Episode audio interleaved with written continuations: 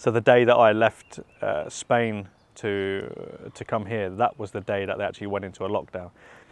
I think we knew that they was going to be locking down for a while, but really didn't expect it to be 10 weeks. Uh, that was, yeah, that was a little bit of a shock. Du lyssnar på Skellefteå Stories Livsstil som presenteras av Visit Skellefteå. En artikelpodd om upplevelser och besöksmål i Skellefteå sett genom en invånarens eller besökarens ögon. Det femte avsnittet är en kärlekshistoria i dubbel bemärkelse. Vi möter den ofrivillige turisten Danny från England som blev fast i Skellefteå under pandemin. Nu, ett drygt år senare, lever han här med sin tjej Ebba och kallar sig dessutom för Skelleftebo. Skriven och uppläst av Sven Burman. För ett drygt år sedan, under några dagar i mitten av mars 2020, gick stora delar av Europa in i lockdown. Flygen blev ståendes på marken. Tågen och bussarna slutade att rulla. Tusentals kilometer av landsgränser stängdes medan världen höll andan. Bokstavligen. Allt gick så fort och vi visste så lite. De flesta blev strandade hemma i hemmet, men det fanns också de som redan var på resande fot och blev strandade i veckor eller månader i ett annat land helt utan möjlighet att ta sig hem. Ofrivilliga turister har de skämtsamt kallats. Detta skedde också i Sverige och berättelsen ni nu ska få höra handlar om en av dessa ofrivilliga turister och hur han nu ett år senare har förälskat sig i platsen som han idag kallar sitt hem. En dag i lugna Båtvik. Vi är inne i slutet av maj när jag viker av från gamla E4 in i den lilla kustbyn Båtvik. Björken står i full blom och människorna längs vägen hälsar på mig trots att vi inte känner varandra. Det hör liksom till i små byar där antalet passerande bilar per dag går att räkna på två händer. Jag hälsar artigt tillbaka och känner mig faktiskt som hemma. Faktum är att detta är min pappas hembygd och här har det bott burmän sedan 1884 då min farfars farfars far Daniel Burman flyttade hit och byggde en enkel koja vid en sten innan han följande år gifte sig och byggde hus.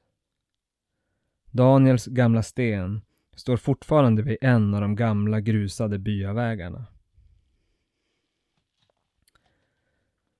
När jag kliver ur bilen vid adressen jag fått så ser jag Danny som står och lastar ved en bit bort. Vi har bestämt att vi ska laga en sen utelunch tillsammans. Danny är född och uppväxt i England, men har bott i Spanien de senaste åren där han har drivit en mobil cocktailbar. Och det var där han träffade Ebba. Precis. Denna berättelse rymmer faktiskt en person till. Ebba som har spenderat alla somrar hon kan minnas i just Båtvik. Och det är vid hennes familjs fritidshus som jag precis har parkerat. En riktigt lantlig sommaridyll. Medan Danny gör upp en eld så ber jag honom att berätta hur han och Ebba träffades i Spanien under hösten 2019.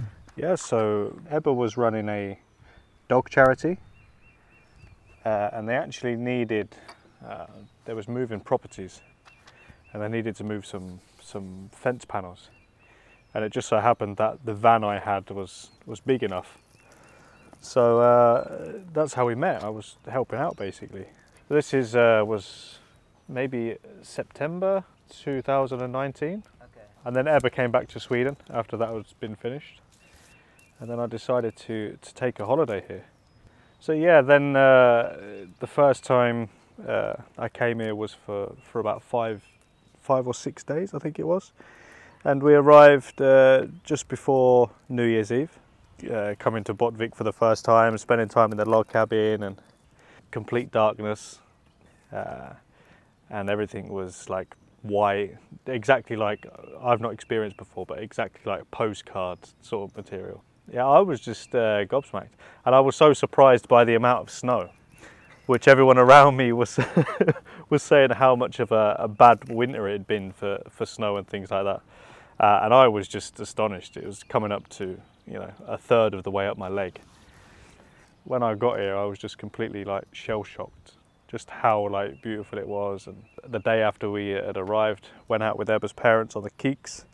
Uh, Where did you go? Where did you, down to the ocean. I mean, I arrived in the dark, so when when we was uh, arrived here, we just spent the evening relaxing, and then uh, the day after go down to the ocean, I didn't even know we were so close to it, and then to find out that it was frozen and they was walking on it, it was just yeah, it was completely different for me.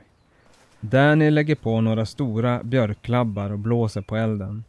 Samtidigt kommer Ebba ut från den timrade stugan med ett stort leende på läpparna. I den ena handen har hon en morika och i den andra en påse libabröd, färdigkokt ris och en massa grönsaker. Välkommen till Båtvik, säger hon och ställer morikan över elden. Efter sin första, fem dagar långa vistelse i Sverige så åkte Danny tillbaka till Spanien igen. Men det visade sig att Norrland hade gjort ett starkt intryck på honom. Han häller ner ingredienserna i morikan och berättar. Uh, but yeah, I really, really enjoyed it. And then I went back to Spain after that. Uh, I went back what felt like two or three months. I was just speaking, uh, we were speaking regularly, weren't we, every day. And it was just a case of, oh yeah, I'm going to come back now. I think it was Ebba turned around and she was like, but you've only been back for like a week. and I was like, nah, that can't be right. That can't be right. So then I was just, yeah, I booked up and, and come back out for another week. När Danny bokade ännu en resa från Spanien upp till Lebba och Skellefteå så hade mycket hänt i världen sen sist. Det som många trodde skulle bli ett lokalt virusutbrott i Kina hade spridit sig till Europa och övriga världen. Fler och fler länder stod i beredskap att stänga ner, men än var gränserna öppna. Båtvik måste ju vara en av de säkraste platserna på jorden, tänkte Danny som valde att resa hit trots riskerna. I sort of just uh, took the opportunity. That was purely just uh, another holiday. at this point, it was meant to be another five days, but we was aware that you know the airports were starting to be strict, and Spain actually was going into a lockdown. So the day that I left uh, Spain to to come here, that was the day that they actually went into a lockdown. I think we knew that they was going to be locking down for a while, but really didn't expect it to be 10 weeks. Uh, that was, yeah, that was a little bit of a shock. And I was just like, oh no. And, uh, you know, my van is parked outside the airport, just looks like it's been abandoned because I was in a rush. I had work to take care of, and at that point, I was getting a little bit like anxious, like, oh, okay, now I need to get back. Danny var helt plötsligt fast i norra Sverige mitt under en global pandemi. Hans mobila cocktailbar som han lite slarvigt parkerat utanför flygplatsen i Spanien skulle tvingas stå där i hela tio veckor. Kanske till och med forslas bort. Medan veckorna gick så började han att förstå innebörden av den livsstil som hans vän Ebba och andra i hans nya omgivning levde. Det enkla livet. De levde dag för dag, körde skoter längs lederna, åkte skridskor och spark på frusna hav och sjöar, paddlade kanot på ett hav platt som en spegel medan solen sakta sänkte sig över Båtviks trädtoppar. Han varvade ner på ett sätt han aldrig hade varvat ner förut. Danny rör om i grönsaksblandningen, breder ut libabröd längs grillstadens kanter så att de ska få lite färg. Jag börjar förstå att denna berättelse håller på att utvecklas till en kärlekshistoria i dubbel bemärkelse. Dannys kärlek till såväl Ebba som till Skellefteå.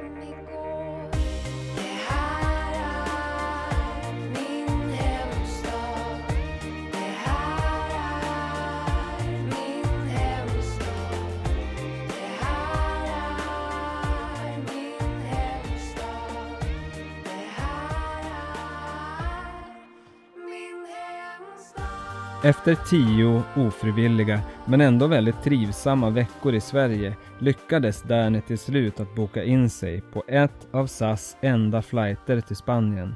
En flight endast avsedd för att flyga hem folk i samma sits som Danny. Danny återvänder till Spanien. Men någonting hade uppenbarligen börjat gro inom honom. Något som han ännu inte hade pratat med Ebba om. Och när motorn på hans cocktailbar skar ihop strax efter hemkomsten till Spanien så ringde han till Ebba och berättade att han ville komma upp och jobba och bo i Sverige över sommaren. Och väl på plats i Sverige igen gick allt väldigt fort. And then I arrived in Sweden on a Sunday, expecting to enjoy Swedish summer, which I'd not experienced yet. I arrived on the Sunday, had a job interview on a Tuesday, and started working as a bartender on the Friday. So, exactly five days after I had been here, uh, I'd started working. And that was it. I think after a, I'd got my first paycheck, realised that the language wasn't a problem, which was something I was really worried about. And I just really started to feel quite comfortable. And then I had to tell Ebba that uh, I was really enjoying it and thought I was to stay and sort of break the news to her. Danny hade uppenbarligen inte pratat med Ebba om hur han kände för Skellefteå, så jag frågar henne när hon började förstå att han ville flytta hit på obestämd tid. I started worrying about that because obviously the plan was still to go and travel. And all of a sudden, Danny is just head over heels in love with Skellefteå, which I wasn't. I grew up here, I moved away uh, around high school time and went to a different town to study, and has never been back since. And that's one thing with Danny being so in love with it that all of a sudden I could see it from a different perspective and I could really see the beauty of it. And all of a sudden, we were both really enjoying life here. Although, like, of course, we're both still traveling people and it's, we will, but it's just became very comfortable and nice. And like you say, the world was just chaotic and then Sweden still was safe, secure and quiet. Mm. Danny berättar att han själv började inse hur väl han trivdes efter att ha jobbat ett tag, fått sin första lön och sett hur strukturerat och tryggt livet i Skellefteå var. Han bytte namn på sitt Instagramkonto till That Brit in Sweden där han började posta observationer och upplevelser från norra Sverige. Saker som jag själv hade tagit för givet. Som att vi till exempel behöver forsla bort snö från innerstan i stora lastbilar under vintern. Eller att gågatan är uppvärmd på vintern för att vara snöfri. Jag minns en speciell Instagrampost om en hockeyklubba och ber honom berätta om den medan jag gör i ordning min lunchtallrik. So, uh, yeah, as I was saying earlier, another thing about the the Swedish way is, which I really found quite fascinating, is the fact that when you go to the fire pits and, and, and things like that, there's an axe there, there's wood there, there's firelighters there, and in England it would it would be gone. People would take it for no reason, just because the fact that it's there. Uh, and it was funny um, because I was playing ice hockey, and um, about a week later we went to go and do it again, and I couldn't find my, my hockey stick. So I said to Eva, I think it's down by the you know the rink where it was last time. And just very casually she said, Oh, you know, okay, well, let's go down and see if it's there.